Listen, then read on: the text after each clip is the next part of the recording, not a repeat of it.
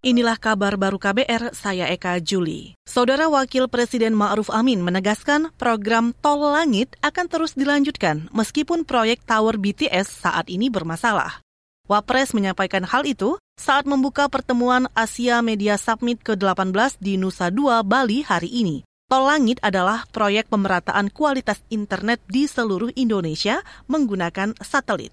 Mengenai Tol Langit itu memang sudah menjadi program nasional, bukan program strategi nasional. Karena itu apa pun yang terjadi akibat misalnya apa yang terjadi adanya kemungkinan terjadinya korupsi itu, itu Tol Langit akan terus.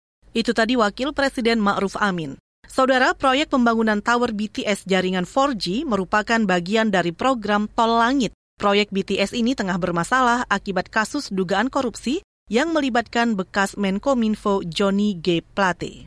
Sementara itu, saudara, pelaksana tugas Menteri Kominfo Mahfud MD menyampaikan instruksi Presiden Joko Widodo untuk tetap melanjutkan proyek pembangunan Menara Base Transceiver Station atau BTS 4G ini. Pesan Presiden, lanjutkan proyek BTS 4G sesuai dengan rencana. Karena ini sudah berjalan sejak tahun 2006, berjalan baik sampai tahun 2019 dan baru bermasalah tahun 2020 dan 2021 sehingga kalau ini tidak diteruskan akan mengalami kerugian yang luar biasa selama 14 tahun atau 16 tahun kita mengerjakan ini.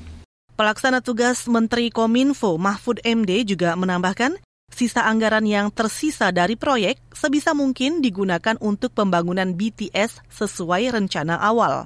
Selain proyek BTS, Kementerian Kominfo juga tetap melanjutkan proyek-proyek strategis lain, seperti satelit Satria, akses internet, dan Palaparing. Hari ini, Mahfud juga melantik empat pejabat eselon 1 di lingkungan Kementerian Kominfo.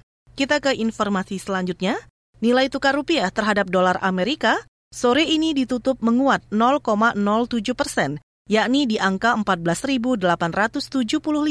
Dengan demikian, rupiah sukses menguat dua hari beruntun. Perhatian investor hari ini tertuju pada pertemuan Presiden Amerika Serikat Joe Biden dengan Ketua DPR Kevin McCarthy. Pertemuan keduanya menjadi yang paling dinanti pelaku pasar, sebab bisa menentukan kenaikan pagu utang Amerika Serikat dan menghindari gagal bayar. Sementara itu, indeks harga saham gabungan atau IHSG kembali mengalami penguatan pada penutupan perdagangan hari ini. IHSG menguat 0,11 persen ke level 6.736.